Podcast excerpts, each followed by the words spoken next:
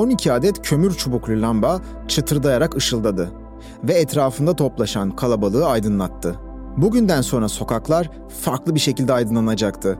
1849 yılında ABD'nin Ohio eyaletinde doğan Charles Francis Brush, 30 yaşında üzerinde uzun yıllardır çalıştığı ark lambasını yani kömür çubuklu lambalar ile tarihin akışını değiştirdi. İlk elektrikli makinesini 12 yaşında tasarlayan Brush, liseye geldiğinde ark lambasını tasarlayıp geliştirecekti. Elektrik akımının iki iletken çubuk arasında atlamasını kontrol altına alıp buradaki ışınımı aydınlatma için kullanılan ark lambalar yine Brush'ın tasarladığı dinamolardan elektriğini alıyordu.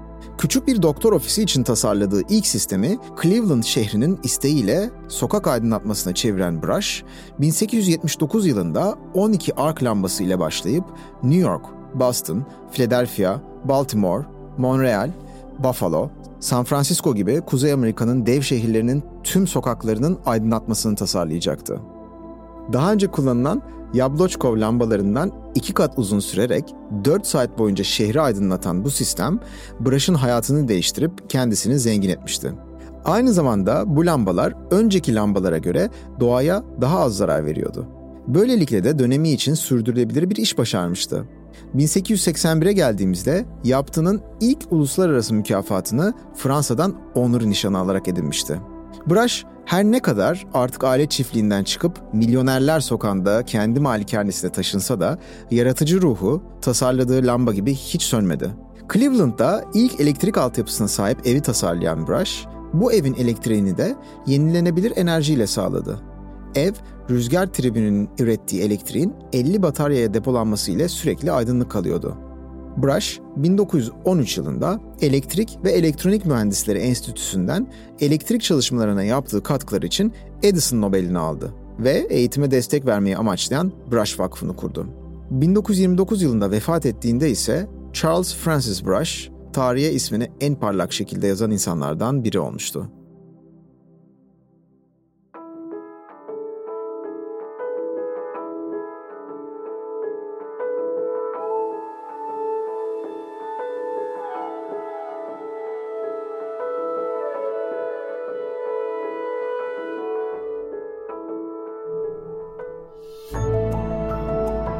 Bugün Evru Nihal Carkan'la birlikteyiz. Şimdi her konumuzu aslında biz böyle girişte biraz tanıtıyoruz tabii ki. Ama Ebru'nun şapkalılık derler ya o kadar fazla konusu var ki hani hepsini böyle biz söylemeye çalışsak burada biraz uzun sürer bu. O yüzden direkt böyle sözü kendisine bırakmak istiyoruz aslında. Çünkü işte kendisi tiyatroyla ilgileniyor, oyun yazıyor. Aynı zamanda daha önce işte pazarlamayla ilgilenmiş. Yani birçok şapkası olan bir insan ve aynı zamanda tabii ki toplumsal cinsiyet çalışmaları yapıyor, eğitimler veriyor. Yine de söylemiş oldum ben ama böyle sadece tek kelime tek kelime söyledim. Yani asıl hikaye sizden dinlemek istiyoruz ve ayrıca hoş geldiniz. Hoş bulduk. Selamlar. Davet için çok teşekkür ediyorum. Şimdi o soru bayağı uzun ama ben özetini vereyim. Hani ben insanları merak eden bir insanım. Anlamaya çalışıyorum.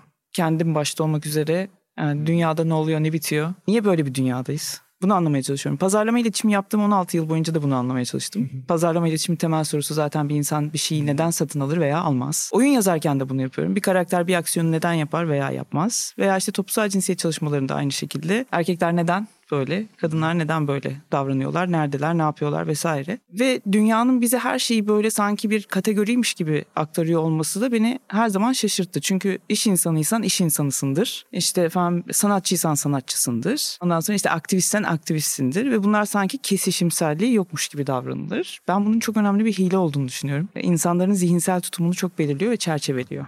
Oysa hepsi birbirinin içerisine geçebilir. Ben de şahsen bu hayatta ilk önce beyaz yakalı olarak başladım. Aynı zamanda oyun yazıyordum zaten. Şu anda popüler ismiyle aktivizm denen şeyin adı daha yoktu ortalarda pek. O zaman da tamamen kendi inisiyatifimle kadın hareketi içerisinde yer alıyordum zaten. Hepsi bir araya geldi sonra. Ya bu bizim yani kuşağımız açısından böyle aslında. Gerçekten hani eğer beyaz yakalıysan belli bir formda davranman gerekiyor. İşte iş dünyasında çünkü belli bir form var ve hani sosyal medyanın da gelişmesiyle aslında o formu da hani sosyal medyaya yansıtmamaya çalışma şeyi vardı. Mesela Instagram'ın ilk dönemlerini ben hatırlıyorum. Şimdi mesela yeni kuşakta bazı insanlara bakıyorum. Bir anda çağrışım yaptı çünkü bu söylediğiniz. İşte Instagram'ına bakıyorum böyle 16 bin takipçili biri ve böyle inanılmaz başka bir şeyler yapıyor. Ama bir yandan böyle blue chip bir markada çalışıyor. Genç bir insan ve şey yani bu nasıl oluyor falan. Hani o kafamız o kadar o kalıplara girmiş ki herkes belli bir formla davranmalı diye. Oradan da bu normlara tam olarak bağlayabiliriz aslında. Ya tabii ki bugün toplumsal cinsiyet meselesini konuşmak için geldik.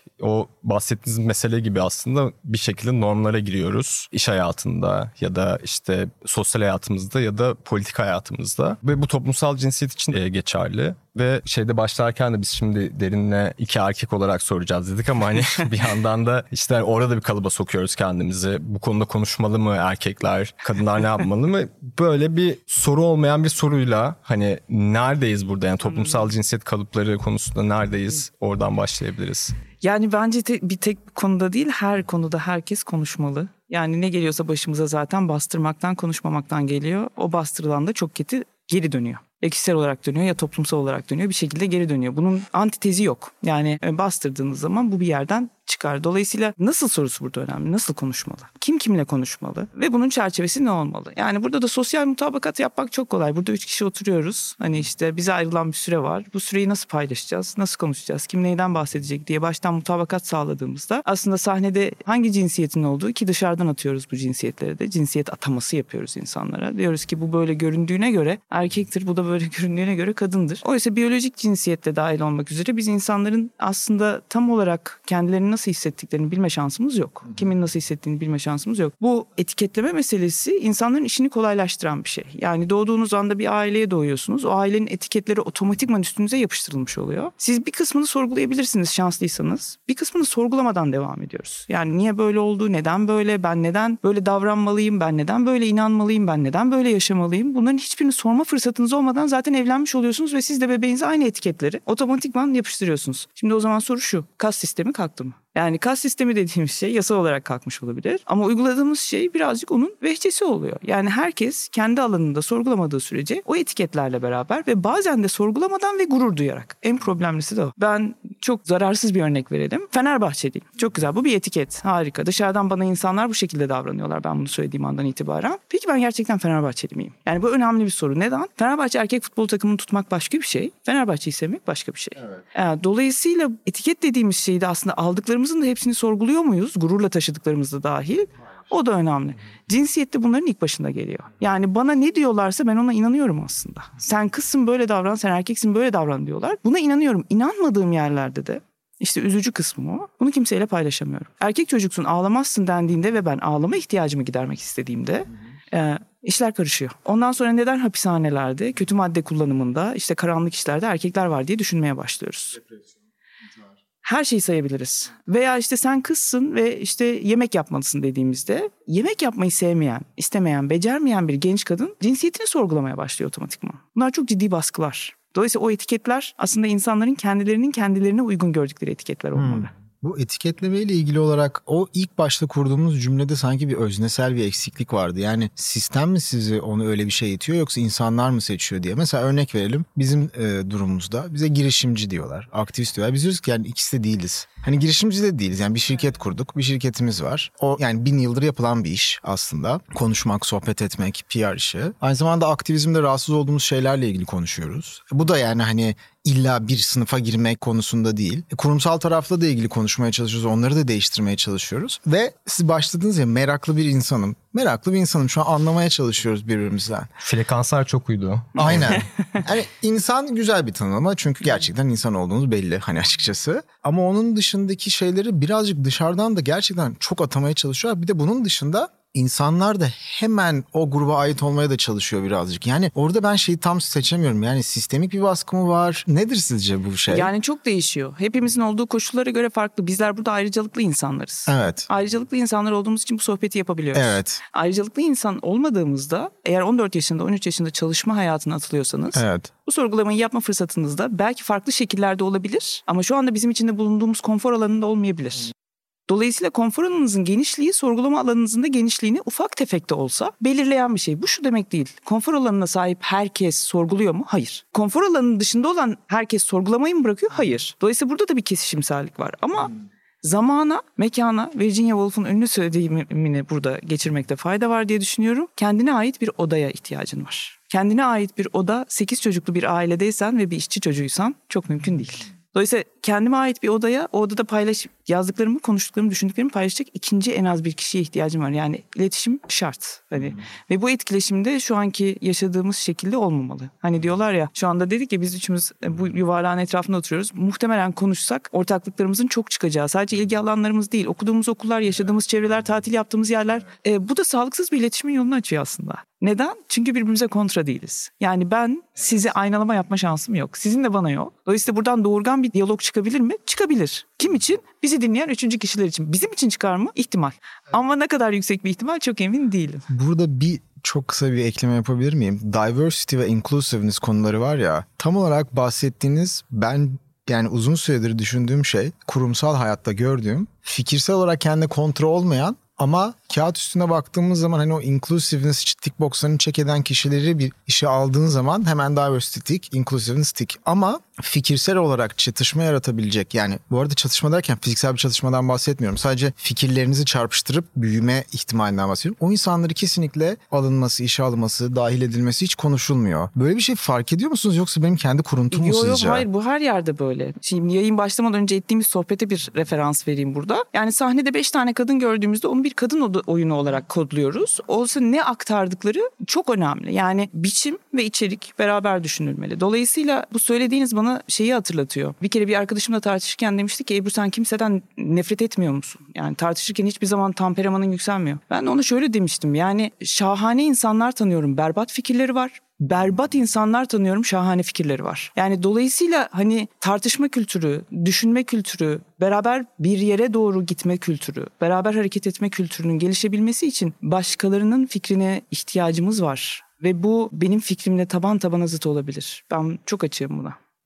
Ee, çünkü biliyorum kibriyle değil de yanılıyor olabilirim merakıyla dünyaya bakmak önemli gibi geliyor bana. Yine ben kayıttan önce yaptığımız sohbete bir atıf yapacağım. Biraz da böyle bubble'larda yaşıyoruz aslında. İşte echo chamber dediğimiz, yankı odaları dediğimiz yerlerde yaşıyoruz. O yüzden de kendimizden farklı insanlarla çok fazla konuşmuyoruz. Konuşmak istemiyoruz. Çünkü artık şey noktasına geldik. Hani bir tane hayatımız var. Az zamanımız var ve bununla harcamak istemiyorum. Hani bu tartışmayı ben bitirdim hayatımda ve kenara koydum, cebime koydum, devam edeyim. Şimdi iklim meselesinden bir örnek vereceğim mesela. Şu anda özellikle 2022-2023'te Amerika'da iklim aktivistlerinin ve iklim iletişimcilerin konuştuğu artık iklim krizi denierlarını hani inkar edenlerle uğraşmayacağız biz diyorlar. Hani biz yani onlar artık hani kurtarılamaz bir gruptur. Hani bunu inkar edenler ve biz bunlarla konuşmayacağız diyorlar. Mesela bu bir örneği. Ve belki de stratejik olarak doğru olabilir bu arada. Çünkü kaynaklar da az, zaman da az, enerji de az. Toplumsal cinsiyet meselesiyle de bağdaştıracak olursak mesela burada orada sınır neresi mesela? Hani herkesle konuşurum diyorsunuz ya. Yani hani oradaki nefret söylemi olabilir ya da gerçekten sizin dünya görüşünüzle birebir zıt olan bir grup olabilir ve onları nasıl dahil edebileceğiz? Yani hangi ortaklarda, müştereklerde biz toplumsal cinsiyet konusunda buluşacağız? Bu arada aslında sorularımızda çok böyle herkesin bildiği ve merak ettiği işte maaş eşitliği ya da işte ücret eşitliği, imkanlar gibi konular var.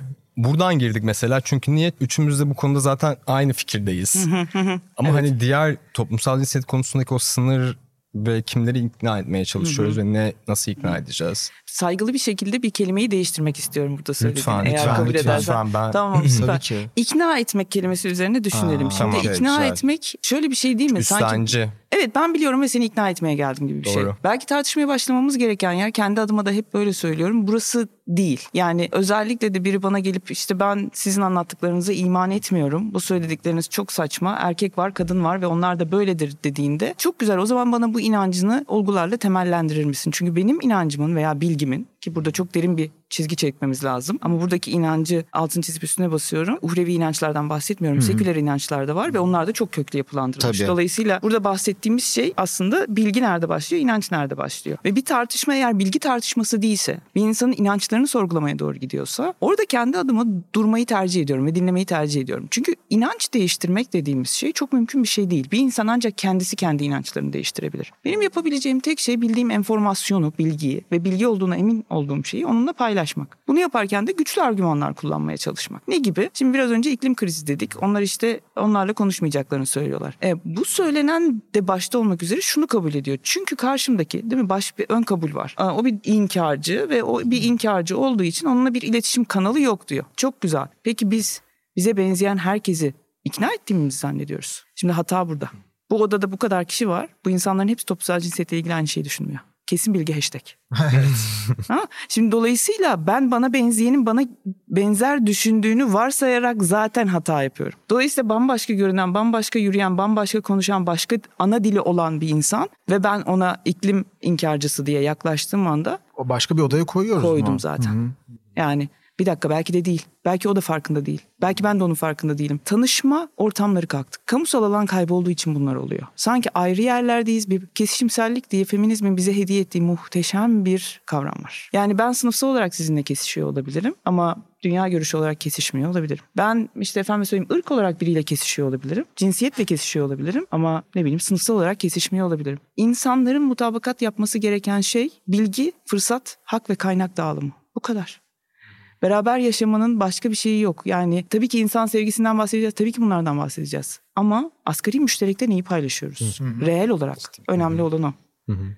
Yani, Soru aslında oydu biraz. Hani o müşterek aslında ne dediniz? Yani hak üzerinde fırsat, fırsat ve kaynak üzerinde. Ve kaynak üzerinde evet. eşitlik. Yani evet. bir kişi benimle cinsel yönelimi, cinsiyet kimliğiyle ilgili aynı görüşleri paylaşmıyor olabilir. Ama onunla da ortaklaşacağım şeyler var. Evet. Ve ortaklaşmak zorundayım da galiba. Ee, beraber yaşamak, yaşamak istiyorsak. istiyorsak. Yani beraber Hı-hı. yaşamaktan kastım da bu coğrafyanın kastı değil artık. Küresel dünya be, evet, dünya büyük bir coğrafya ve biz Birleşmiş Milletler'in öngörüleri var. Dünya nüfusunun yarısından fazlasının 2025 yılından itibaren göçmen olacağına dair. Bu ne demek? Yani artık hani sınırlar o kadar yapay kaldı ki hepimiz biliyoruz bunu. Evet. Her ne kadar ulus devlet bunu şey yapmaya çalışsa da dolayısıyla bunu ne kadar çabuk idrak edebilirsek o kadar iyi olur. Yani şu anda mesela değil mi Ocak ayının sonuna geldik. Yağmur yağmamış, kar yağmamış. Hemen küçük ısınma... bir bilgi. Buyur. Bugün bu kaydı yaptığımız gün 19 Ocak ve az önce telefondan baktım. Galiba 19 Ocak sıcaklık rekoru kırmış tarihsel. Evet. Evet. Yani en sıcak 19 Ocak gününü yaşıyoruz. Evet. Dolayısıyla şimdi burada inançla ilgili bir şey var diyebilir miyiz? Diyemeyiz. O zaman tartışacağımız şey başka bir şeye geçiyor. Ben inanmıyorumla iyi de Ocak ayının 19'undayız. Yağmur yağmadı, kar yağmadı. Bunda bir gariplik yok mu demek arasında bir fark var. Burada anekdotal bir şeyi genele vurmak çok zor ama bizim bir de Amerika Birleşik Devletleri daha çok bu iklim bilimcilerin yani orada da farklı politik şeyler oluyor. Biz onu çok anlayamıyoruz açıkçası ama Türkiye'deki iklim inkarcılarıyla tabii ki de çok fazla iletişimimiz oluyor. Instagram'ımıza girip aşağıya genelde küfürlü şeyler yazıyorlar. Biz de inanılmaz kibar ve diyoruz ki yani okey haklı olabilirsin. Ama bize bir izin ver. Zoom'a gel. Bir saat biz anlatalım. Sen de kendi neden anlattığını anlat. Hani sonrasında ilerleyelim. Bir anda değil çok teşekkür ederim. Siz bana kaynakları iletseniz olur. Buna geliyor. Yani beni de bir insan bu şekilde dışlasa ben de kontrol olurum. Ben de kendi odama kapanırım. Ama o iletişim kanalına birlikte oturmak değil yani oturma imkanını bile verdiğimiz zaman bir anda iletişim dilinin çok değiştiğini biz en azından gözlemliyoruz. En azından Türkiye için. En azından iklim alanında yani. Hı. Ya değişmeyebilir. Yani çünkü fanatizm yani bu zamanın sorunu değil sadece. Yani Doğru. yüzyılların problemi. Ama fanatizmin kendi kendini yok etmek gibi de bir huyu var. Dolayısıyla hmm. hani onu da kendi içinde çürümesi üzere bir sanat eseri olarak görüp izlemekte fayda olduğunu düşünüyorum. Ama yaptığınız şeyin çok doğru olduğunu düşünüyorum. Yani biz insanız. İnsan konuşarak anlaşır. Bir de şu var, şunu da unutmak lazım. Düşünmek dediğimiz şey insana sanki otomatikman yüklenmiş bir şey gibi tahayyül ediyoruz ya öyle Hı-hı. değil. Düşünmek efora tabi. Yani düşünmek için bir efor sarf etmeniz gerekiyor. Şu konuda anlaşmakta fayda var. Düşünmek zor bir edim. Ve bu ekonomik koşullar altında herkesten aynı eforu bekleme şansımız kendim de dahil olmak üzere söylüyorum. O yüzden hata yapmanın çok daha fazla olduğu bir dönemden geçiyoruz bence her anlamda. Her an nefret söylemi üretebileceğimiz, her an öfkelenebileceğimiz, ezberlerimize geri dönebileceğimiz bir dönemden geçiyoruz. O yüzden belki de bu dönemde daha ihtiyatlı davranıp, daha kitleler üzerinde bir emel gütmeden yakına bakmak yani. Ben bu odadaki herkesi ikna edemeyeceğimi biliyorum. Bu ağır başlılıkla belki de bakmak çok daha mümkün olur. Bu odadakileri söylüyorum daha. Bırakın dışarıyı. Dinleyenler daha büyük bir kesim olacak tabii. O da daha da zor. Ve gerçekten orada da bir şey var bu arada. Onu da belki değinmemiz lazım. Orada da sizin aslında yaptığınız hem toplumsal cinsiyet anlamındaki sanat çalışmaları yani oyunlar ve genel olarak sanatı konuştuğumuzda onun tüketicisi ya, ya da bizim ürettiğimiz içeriğin tüketicisi yani ne kadar hangi kesime ulaşıyoruz yani hani belli datalardan buna bakabiliyoruz aslında ama ya yine çok üstenci konuşuyorum çok özür dilerim. Bu, yapmayacağım bunu ama hani mesela ile, daha başka ulaşmasını istediğimiz bir olmuyor. Oradan da hani o çalışmaları yapıyorsunuz oyunlar. Ya bu şeyde de var işte hani iklim kriziyle ilgili sanat üretmek ya da iklim kriziyle ilgili işte deneyimsel ve sanatsal bir yerde insanları harekete geçirmek ve bir şey yapmak. Hani oralardaki durum ne sizce? Hani nasıl yapabiliriz bunu? Birkaç tane şey söyleyeceğim gene burada. Hani bir tanesi şu bu yazılımcılarla çok çalışıyorum ben ve yazılımcıların en büyük dertlerinden bir tanesi şu yazılımcı dediğimiz şey otomatikman üniversitede daha çok dışarıdan cinsiyet aratarak söylüyorum. Erkek olduğu için yazılımcılar da erkek oluyorlar ve bu algoritma dediğimiz şeyler de aslında bir onların zihin dünyasından karşımıza Doğru. çıkıyor. Şimdi dolayısıyla kadın yazılımcı sayısı az olduğu için onların perspektifi şu anda bu hikayelerin içerisinde dahil değil. Neden bunu anlatıyorum? Sayılar çok önemli. Ben de eğitimlerimde her yerde sayılardan çok fazla bahsediyorum ama sayılar her şeyi açıklar mı? Bana sayı olarak baktığınızda 42 yaşında yüksek lisans mezunu şu bölgede oturan falan filan diyor. Dolayısıyla benimle aynı bölgede o yaşta o grupta oturan insanı bizim ikimizi bir kere aynı kutuya attı. Bir dakika aynı kutuda değiliz ama. Bunu neden söylüyorum? Sizi dinleyen insanlara baktığınız rakamlar tabii ki çok önemli. Ama o rakamlar sizinle ilgili her şeyi açıklamaya yetmiyor. Bir başlangıç noktası olabilir. Bir hedef belirleme noktası olabilir. Ama arada ne olup bittiğini bilme şansınızın yüz yüze karşı karşıya gelmeden çok mümkün olduğunu düşünmüyorum.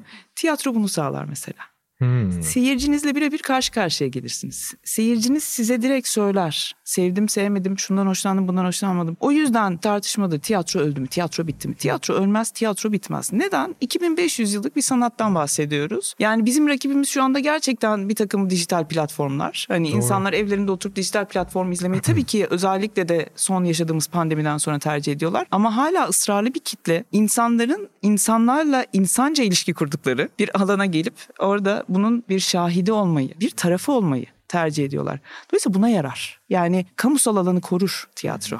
Şu anda kalan nadir kamusal alanlarımızdan biri. O da fırsat adaletsizliği nedeniyle gene sadece belli sınıfların ulaşabileceği bir şekilde maalesef şu anda suretini gösteriyor bize. Yani hani her şeyin fiyatı yükseldiği gibi tiyatronun da bir de tiyatro dediğiniz şey sinema gibi değildir. Yani siz bugün kendinize yakın sinema salonlarını bulabilirsiniz ama tiyatro salonu için tiyatro sever dediğimiz insan bir performans sanatçısıdır aynı zamanda. Hı hı. Performe eder tiyatroya gitme işini. Önceden hmm. biletini alır, o yolu gider. Doğru. Orada sohbetini eder. Var. Yani bu zamana ait olmayan ve bize insanlıkla ilgili bir sürü şeyi her şeyiyle hatırlatan bir sanat dalı tiyatro diye düşünüyorum. Bilmiyorum. Karşılaştırma yapmak ben de bu arada zihnimde bu yanlış karşılaştırmayı yapıyorum bazen tiyatro ile ilgili ya da diğer performans sanatları ile ilgili. Çünkü şey diye düşünüyorsun. Hani YouTube'a giriyorsun abi hani bir şey yapmış. Çocuk çok iyi informatif bilgi veriyor. Eğlenceli de ve hani 2 milyon izlenmiş. Zaten böyle bir etkisi olmayacak hiçbir zaman fiziksel olarak buluşmamızın fiziksel olarak şey yapmamızın. O yüzden ona yöneliyorsun. Hani ben de onunla öyle bir içerik üreteyim ve çok fazla kişi yani mesela toplumsal cinsiyet meselesi o daha işte dönüşümü yaratmak için sosyal medyanın gücünü kullanayım. O kadar çok fazla kitleye ulaşayım diyorsun. Onu böyle o şeyde gördükten sonra akışta geçti, izledi. Ne değişti?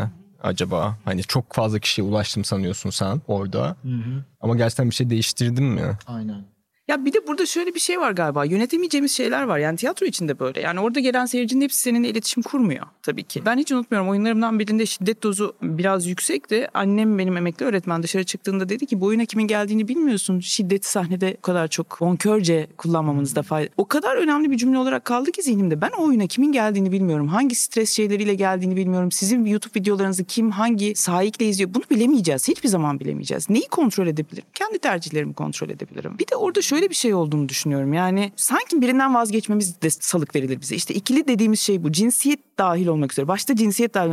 Her şeyi ikiye ayırmak gibi. İyiler, kötüler. Bizden, onlardan. Kadınlar, erkekler. Onlar bunu. Bunu çok seviyor dünya. Hele ki şimdi son 15-20 yıldır artan bir şekilde. Çünkü yönetmek çok kolay böyle. Siyahlar, beyazlar, kırmızılar, maviler. Bu çok kolay yönetilebilir bir şey. Ben yönetilmem diyorsak eğer kırmızıya dair de maviye dair de bana iyi gelen şeyleri söylemek insani olarak benim sorumluluğum. Bu ne demek? Şu anlama geliyor aslına bakarsan. Ben tiyatroya da giderim. 2 milyon kişinin izleyebileceği bir YouTube kanalı da açabilirim. İşte biraz önce en başta başladığım şey ben beyaz yakalı da olabilirim. Tiyatro oyunları da yazabilirim ve aynı zamanda beni yaralayan, benim kimliğimi bu toplumda, varoluş biçimimi istediğim şekilde oluşturmamın önünde engel teşkil eden şeylerle de mücadele edebilirim. Bunun önünde bir engel yok ki. Dolayısıyla bir şeyi bir şey yerine ve bir şey için bir şeyden cümlelerinden kendimizi ne kadar özgürleştirebilirsek bir yayın 2 milyon izlenebilir ve o yayın 2 milyon izlensin diye yapmış olabilirsiniz. Bir yayında 10 bin kişi izler ve o yayında 10 bin kişi izlesin diye yapmış olabilirsiniz. Dolayısıyla bunun için bundan bunun için bundan vazgeçmeye gerek yok diye düşünüyorum açıkçası. Peki kendi tecrübenize bakarsanız hani eğitimlerden bahsettiniz vesaire insanlarla iletişim kurarken onu barışçıl ve kendi bakış açınızı anlatırken sayılar mı daha çok faydalı oluyor sizce? Sayılar ve sorular. Peki kişisel hisleriniz ve anılarınız ve yaşadıklarınız veya duyduğunuz biraz daha anekdotal şeylerde yararını görüyor musunuz hikayelerin? E tabii. Yani veya ikisini beraber mi yapıyorsunuz? Yani hepsini bir arada kullanıyorum. Orada hangi araç gerekiyorsa, hangi araçla o kapıyı açabileceğimi düşünüyorsam onu kullanıyorum. Ama vazgeçemediğim şeyler var. Hmm. Bunlardan bir tanesi sayılar, bir tanesi de sorular. Bir insan öyle deneyimliyorum, öyle düşünüyorum, değiştirebilirim, itirazlara da her zaman açayım. Ama benim deneyimime göre bir insan bir insana hiçbir şey öğretemez. Hiçbir şey öğretemez. Bir insan bir insanla ancak deneyimlerini paylaşabilir. Bir insan bir insanla ancak ancak kendi dünya vizyonunu paylaşabilir. Değişim kişisel sorumluluğumuz. Kimse gelip bizi kurtarmayacak. Beyaz atlı prens yalan. Yok böyle bir şey. Politikada yok. Aşk hayatında yok. iş hayatında yok. Böyle bir şey yok. Gruplar var. O gruplar da yapmayacak. Arkadaşlarımla kurduğum ilişki yapacak. Bana benzeyen benzemeyen. Dolayısıyla orada daha çok sorular. Sen nasıl hissediyorsun? Sen bununla ilgili ne düşünüyorsun? Ha, sizin sorduğunuz. Evet, ha, insanları okay. ve kendi hisleriyle ilgili sorduğum, kendi deneyimleriyle ilgili sorduğum. Yani şu ön yargıyla başlamamak aslında. Erkekler böyle hisseder bu toplumda ve kadınlar böyle hisseder. Hayır, bilmiyorum. Hiçbir fikrim yok. Bununla ilgili düşünüyorum. Bununla ilgili tabii ki bir takım deneyimlerim var vesaire var. Ama sırf siz erkek görünümünde olduğunuz için size dair bir varsayımda bulunmak bir kere her şeyden önce kendime haksızlık. Neden? Sizi tanıma fırsatını alıyor elimden. Hı hı. İki, e, size de saygısızlık. Neden? Sizi siz yapan ki herkesi herkes yapan bir özgün hali var, bir varlığı var. Onu ifade etme hürriyetini de elinden alıyorum. Yani aslında toplumsal cinsiyet eşitliği olsun, iklim konusu olsun. Yani sürdürülebilirlik altındaki 17 hedef dediğimiz şey her biri aslında insanların özgün kimliğini ortaya koyması için bir fırsat. Çünkü iklim krizi dediğimiz şeyi şu anda biz İstanbul'da farklı deneyimliyoruz. Benim doğduğum coğrafya olan Adana'da insanlar farklı deneyimliyorlar. Ben bilemem onların nasıl deneyimlediğini. Onlar konuşacaklar. Diyecekler ki biz Adanalılar yıllardır yanıyorduk ama vallahi de billahi de böyle yanmadık hiç diyecekler ki biz bileceğiz orada ne olduğunu. Dolayısıyla galiba en fazla kullandığım soru. Cevabı da olmak zorunda değil. Önemli olan düşünme antrenmanını yapmamız. Çünkü cevabını ben de bilmiyorum ve değişebilir. Ama düşünmek birçok bakış açısıyla değerlendiğimizde yani yerel olarak da Türkiye olarak da ya da işte Birleşmiş Milletler olarak da Birleşmiş Milletler'in de ben çok yaptığı bir hata bu merkezilik. Yani bu merkeziyetsizliğin ben çok önemli olduğunu düşünüyorum açıkçası bu konuda. Çünkü yani işte aslında COP'ta da konuşulan konulardan biri işte yerel halklardan ne öğrenebiliriz noktasına geldi herkes. Çünkü hani bu böyle olmuyor ya da orada işte birileri toplanıyor, konferans yapıyor, oradan bir çözüm çıkacak da sanki her yerde uygulanıp sonuca bağlanacak. Hani bu belli ki çalışmıyor hiçbir şekilde. Toplumsal cinsiyet konusunda da aynı şekilde böyle. Ama şeyi biraz da bağlamak istiyorum aslında buradan bu kalıplar meselesiyle ilgili de konuştuk bununla ilgili. Her ne kadar desek de hani kişisel deneyimleri herkesin farklı ve herkes farklı şekilde yaklaşıyor bu konuya. Mesela iklim krizi konusuna ya da sürdürülebilir yaşam konusuna, tüketim tercihleri konusuna. Ama böyle bazı araştırmalar yapıldığı zaman genelleyen rakamlara gittiğimiz zaman o toplumsal cinsiyet kalıplarının ataerkilliğin üzerimize yapıştığını görüyoruz. Yani gerçekten işte yapılmış bir sürü çalışma var ve erkeklerin yeme alışkanlığından kullandığı arabaya işte hangi ürünleri tercih ettiğine kadar sürdürülebilir ürünleri tercih eden etmek feminen görünüyor. Bu arada şey diyeyim yani erkek kadın da demiyorum. Maskülenite ve feminite üzerinden aslında yaşanan bir şey. Yani heteroseksüel bir erkek de bunu yaptığında o insanlar feminen görünüyor. Arkadaşları dalga geçiyor. Ben dalga net geçiyor. bir şekilde söyleyeyim hani. Evet söyle. Yani üç kişi oturuyor ya sen bez çantamı takıyorsun kardeşim. Ya bu arada bu Böyle çok büyük bir engel. Çünkü çok büyük bir kitlede olan bir olay ve siz gerçekten iklim krizini engellemek, engellemek demeyeyim değiştirmek, yönümüzü değiştirmek istiyorsak orada bir değişik yapmak zorundayız. Ya siz dediniz ya bu odada konuşarak çözebileceğimiz bir şey değil çünkü. Evet. Evet. Ee, evet değerli dinleyiciler iki tane çaresiz erkek yardım istiyorlar şu anda. Yani evet çok iyi anlıyorum. Yani bakın bu da hani daha önce de pembe giymezdi erkekler. Şimdi de bez çanta takmıyor. Yani hani dolayısıyla o kalıp normları sürdürmek için elinden geleni yapan bir perspektif var. O kalıp normlar ne derse ne desin kendi ilkeleri ve doğruların konusunda da aksiyon almak durumunda kalan insanlar var. İşte inançla bilgi dediğimiz şey de burada birbirinden ayrılıyor. Siz o çantayı bir bilgiyle takıyorsunuz. Şimdi o bilgiyle taktığınız için ne derse desin. E tabii yok. Şu anda dinleyenler için söylüyorum. Yani sizin için değil. E senin benim üzerimde kurduğum bu tahakküm. Adına arte, ataerkil tahakküm diyoruz. Ee, seni iyi hissettiriyor mu güzel arkadaşım? Size söylemiyorum. Anladım, anladım. Bu şeyi söyleyene söylüyorum. Göz göze geldik de bu Yok arada. tabii hayır hayır. bu şey üçüncü bir kişiyle konuşuyoruz şu an. Bu odada olmayan. Keşke burada olsaydı da ona Cemre sorsaydık. konuşabilir miyiz Cemre? Ee, yani bu seni iyi hissettiriyor mu? Bu neden seni iyi hissettiriyor? Benim bez çanta takmam seni niye bu kadar ilgilendiriyor? Benimle ilgili farklı hayaller içerisinde misin? Bunların hepsini açabiliriz kapısını. Hepsini açabiliriz. Neden? Çünkü bastırılanın geri dönüşü bir şey bastırıyor. Kesin bilgi hashtag. Bana ne yoksa başka birinin taktığı çantadan Allah aşkına ne zamanımız var, ne vaktimiz var, ne buna enerjimiz var. Burada şunu görmek çok önemli. Yaptığımız şey isteyerek de yapıyor olabilirsiniz bu sırada. Bez çanta takmayı da seviyor olabilirsiniz. O zaman da aslında yani gerçekten sana ne? Yani gerçekten sana ne? Hani bunu diyebilme özgürlüğüne sahip olması lazım insanların. Çünkü orada aldığınız aksiyon beğenerek, gönülden isteyerek yaptığınız şey genel tahakküme uymuyor olabilir. Zaten feminizm dediğimiz şey bununla ilgili ve o yüzden de erkekler de dahildir. Çünkü ataerkillik kadınları ezdiği kadar ezdiği diğer toplulukları kadınsılaştırır. Kadınsılaştırmadan ezemez. Evet anladım. Tamam. Bir erkek bir erkeği ezemez, dövüşür. Ezmek için kadınsılaştırmaya ihtiyaç vardır. Tamam. Dolayısıyla karşısındakini cinsiyetten arındırır ve cümleleriyle onu kadınsılaştırıp sonra ezer. Ağlamakla ilgili falan şeyler Ha, belki de o tabii yüzden ki, değil hepsi, mi? Hmm. Hepsi bununla bağlantılı. Bayağı dilde de Evet, içselleştirilmiş tabii bu. erkek erkekle dövüşür. Tahakküm kurduğu, ezdiği kadındır, kadınsıdır. Bu arada bazen dövüşmeden böyle bir babalanma olayı da çok o. E, tabii Horuzlanmak işte. da çok. Hani o o bir meydan okuma. Evet. Gladyatörler, çevrede seyirciler olacak. Yani bir performans. Baştan aşağı erkeklik ve kadınlık bir performans. Ve bu performansı sergileme tercihleri bize ait. Sergilemek arzusu içerisinde olabilirsiniz. Bu sergilediğiniz performansın başta siz olmak üzere erkeklere sesleniyorum. Erkeklik performansı öldürücüdür. Her anlamda. Kendini de öldürürsün. Karşındakileri de bir hayat alanı tanımadığın için öldürürsün. Kadınlık performansı da çok tehlikelidir. Tabii ki. Yani bu performansların bize iyi gelmeyen taraflarını kim ne derse desin önce kendi sağlığımız için bırakmak bizim sorumluluğumuz. Bu bir tercih. Ve dediğiniz şuydu değil mi? Ben hani kendimi anlamak için gerçekten o erkeklik performansını sergilemeyen kişiyi de sanki kadınlaşmış gibi yapıp Tabii. o performansı sergilemeye zorluyor. Tabii. Sergilemeye zorluyor veya senin sergilediğin performans budur diyerek Ha evet. seni hapsediyor. Anladım. Seni bir yere hapsediyor. Hem de öyle bir yere hapsediyor ki bu tartışmaları insanları çok zedelediği bir yere hapsediyor. Benim kim olduğumu belirleyen şey senin bakış açın değil. Benim kim olduğunu belirleyen şey benim kendimle ilgili fikirlerim. Yani bu konuda çok nasıl söyleyeyim net durmak için bir çaba sarf etmeye ihtiyaç var diye düşünüyorum.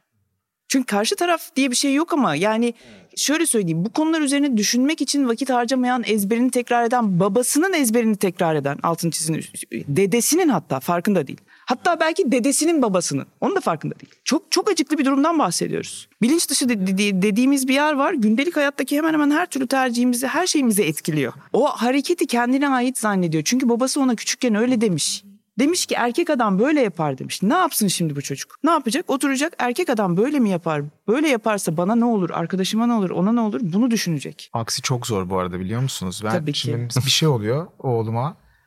Ağzımdan bir cümle çıkıyor. Yani o çıkmadan filtreleyemiyorsunuz. Çıktıktan sonra filtre uygulanıyor. Ve böyle direkt böyle 1993 hani böyle o anı geliyor. Erkek Sanırım adam renkli takım Renan, tutmaz. Renan kusura bakma hani ben hani hata yaptım böyle değil aslında lazım. Yani bu ama o dediniz ya bir efor. Bayağı zor bir efor. Çok zor tabii ki. Çünkü ne bana ait ne bana ait değil sorusu var ya. Evet. Yani o kadar vakit harcamamız gerek. Yani benim çantamla uğraşma kardeşim. Şu hareket Evet. sana ait mi değil mi? Sen onunla Evet. uğraş. Çünkü onu çözdüğün zaman Freud'un, Jung'un bilmem nenin söylediği her şeyi halletmiş olacaksın. Evet. Ha, Kendine de barışacaksın. Herkes yoluna gitsin. Ben de bu bez çantamla mümkünse küresel ısınmanın önünde bir hareket, bir aksiyon kendime göre kendimi mutlu edecek. Kendimi iyi hissettirecek. Bana yakıştığını düşündüğüm şeyi yapmaya devam edeyim. Peki performansların ötesinde yani kadınlık performansı ya da erkeklik performansının ötesinde ekolojiyi korumak için yani feminist ekoloji hareketinde aslında değindiği kadınlık ve feminanlik üzerinden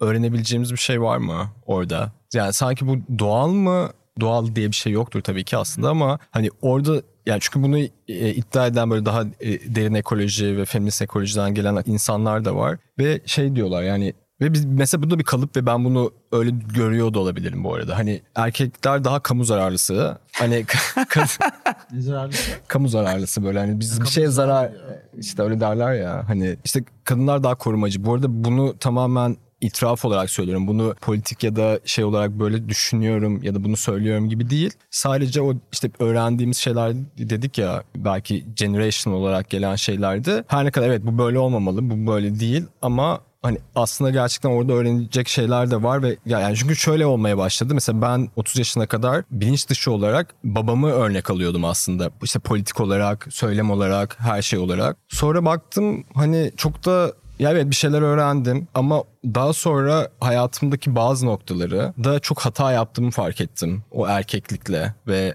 o yaşam biçimiyle. Sonra annemi tak yani bilinçli olarak seçim olarak annem ne yapıyor? Hayatta nasıl hareket ediyor diye bakıp ondan bir şeyler öğrenmeye çalıştım ve o öğrenimler bana çok şey kazandırdı mesela. Hani öyle bir şey var mı sizce? Hani o performansın ötesinde öğrenebileceğimiz bir şey var mı orada? Yani şöyle söyleyebilirim. Bu anlattığın tabii patriarka dediğimiz şeyin tam olarak tanımı. Hı-hı. Yani patriarkanın etkisindeyiz. Hepimiz kadın olalım, erkek olalım. Dolayısıyla böyle bir üst başlık yaratmış olmanın bence sebebi feminizmin ekolojiyle kurduğu bağ. Yani umarım Şimdi yavaş yavaş erkekler de kendilerine bela olan erkekliği konuşmaya başladılar. Mesela yıllar önce biz erkek değiliz diye bir platform vardı. Çevreye zarar vermek erkeklikse biz erkek değiliz. İşte şunu yapmak şiddet erkeklikse biz erkek değiliz. Oturup bunu konuşuyorlardı. Erkeklik ne yaptı bize? Şimdi gene tekrar bu hareketler başladı. Şimdi feminizmin bu konuda verdiği eforu eleştiri, öz eleştiri, eleştiri, öz eleştiri. Yani şimdi feminist hareket dediğimiz şeyin tarihi o kadar eski ki sanki şu anda böyle değil tabii ki.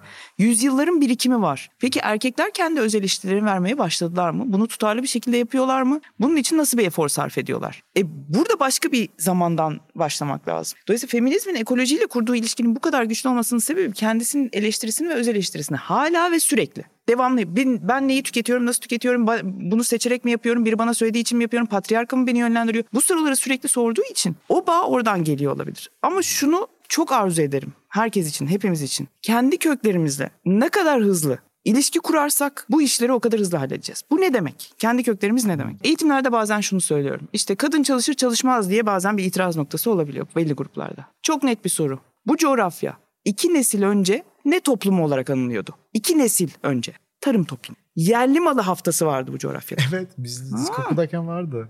Evet. İki nesil önce tarım toplumuydu. Yani ne demek bu? Tarım toplumu dediğiniz şey de şu çalışır bu çalışmaz yoktur. Hanedeki herkes çalışır. Kuralı bu. Olayı bu hmm, zaten. Evet. Tamam. Dolayısıyla sen bu coğrafyada kadın çalışmaz eski bir şey değil. Yeni bir şey. Bunu fark etmek zorunduluğum bir kere her şeyden önce. Dolayısıyla bana yeniyi dayatma. Bana yeni bir şey dayatma. Sen kendi köklerini eğer muhafazakarsan veya neyse onları bir hatırla. Ondan sonra gel konuşalım. Tamam Zaten onlar bir hatırlansın. Ha.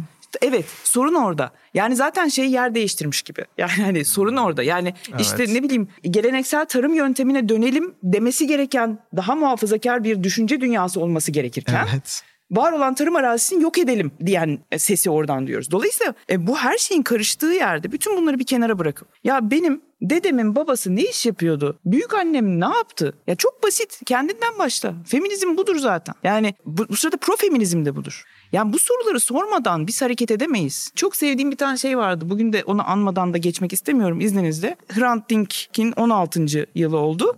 19 Ocak. Dolayısıyla şeyi unutmuyorum hiç. Modada bir yazılama yapılmıştı duvara. Büyük baba 1915'te neredeydin diye. Şimdi bakın bu soruları sormadığımız sürece. Büyük baba neredeydin? Büyük baba sen ne iş yaptın? Biz nereden geliyoruz? Şimdi bizi ne diye şey yapıyorlar? Bir Osmanlı bir Türkiye Cumhuriyeti. Yahu burası Hititlerin. Yani hani e, Hitit lilerin değil mi? Yani benim geçmişim eğer bir köken arıyorsam, üretim modeli arıyorsam, tüketim modeli arıyorsam bakmam gereken yer orası. O yüzden de bence feminist hareketin yaptığı bu. Kendini sorgulamak, kendi bağlarını sorgulamak, ailesini sorgulamak, o ne yaptı, bu ne yaptı, onları sorgulamak. O yüzden bu konulara da hızlı bir şekilde adaptasyon sağlıyor. Çünkü kendi geçmişiyle, kişisel hem kişisel geçmişiyle hem de bulunduğu coğrafyanın geçmişiyle çok sıkı fıkı. Ama erkeklik öyle değil. Erkeklik bugün, şimdi ve burada istiyor. Yani erkeklikten bahsediyorum. Erkeklerden bahsetmiyorum. İkisini net olarak ayırayım da sizin için değil. Dinleyenler için net olarak ayırayım. Erkeklik şimdi ve burada bugün kazanacağım. Bugün ne kazanacağım? Neden? Bu da toplumsal cinsiyetle alakalı.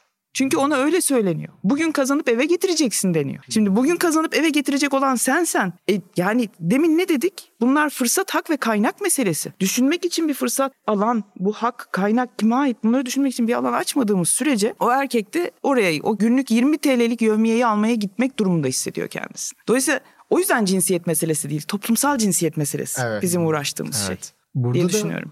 Ya şimdi bahsettiğiniz isimlerden sonra bir isim daha almak istemiyorum ama böyle bir kel bir adam var ya Amer- Amerikalı galiba. Yani mesela böyle çok popüler videoları var. Böyle işte erkekliğin aslında ezildiğini, işte sıkışmış olduğunu ama onun Şimdi o herkes o insana kızıyor ya ama aslında o insanı hitap ettiği milyonlarca insan var ve neden o insanlara hitap edebiliyor ve o insanlar neden onu hissediyor'nun sorusu bence sizin söylediğiniz şeyin cevabıydı. Çünkü ben hep onu düşünüyordum. Yani şimdi bir insanı suçlamak kolay. Adı Andrew olmaz Mike olur. Yani Mike gider Bob gelir. Ama onun hitap ettiği kitlenin bir sıkışmışlığı var ve çok büyük ihtimal nesillerden gelen belli bir sıkışmışlığın internette yaşamış olduğu bir echo chamber'a dahil oluyorsunuz katlanarak gidiyor. Ama tam olarak hani cinsiyet değil toplumsal cinsiyet işte erkek değil erkeklik olarak bahsettiğiniz şey aslında o diyaloğu yapabildiğimiz zaman aslında o problemler de çözecek ama yani o dışlamama ve aynı masaya oturabilmek konusu benim bütün bu konuşmadan aldığım şeydi yani kendi açımdan en azından. Ya bir de orada şeyi de düşünmek lazım. Yani temelde insanın kendisine sorması gereken sorular ve bu, bu sorulardan bir tanesi de şu. Özellikle böyle bir dünyada. Yıkmaya mı talipsin, yapmaya mı? Yıkmaya talip olanın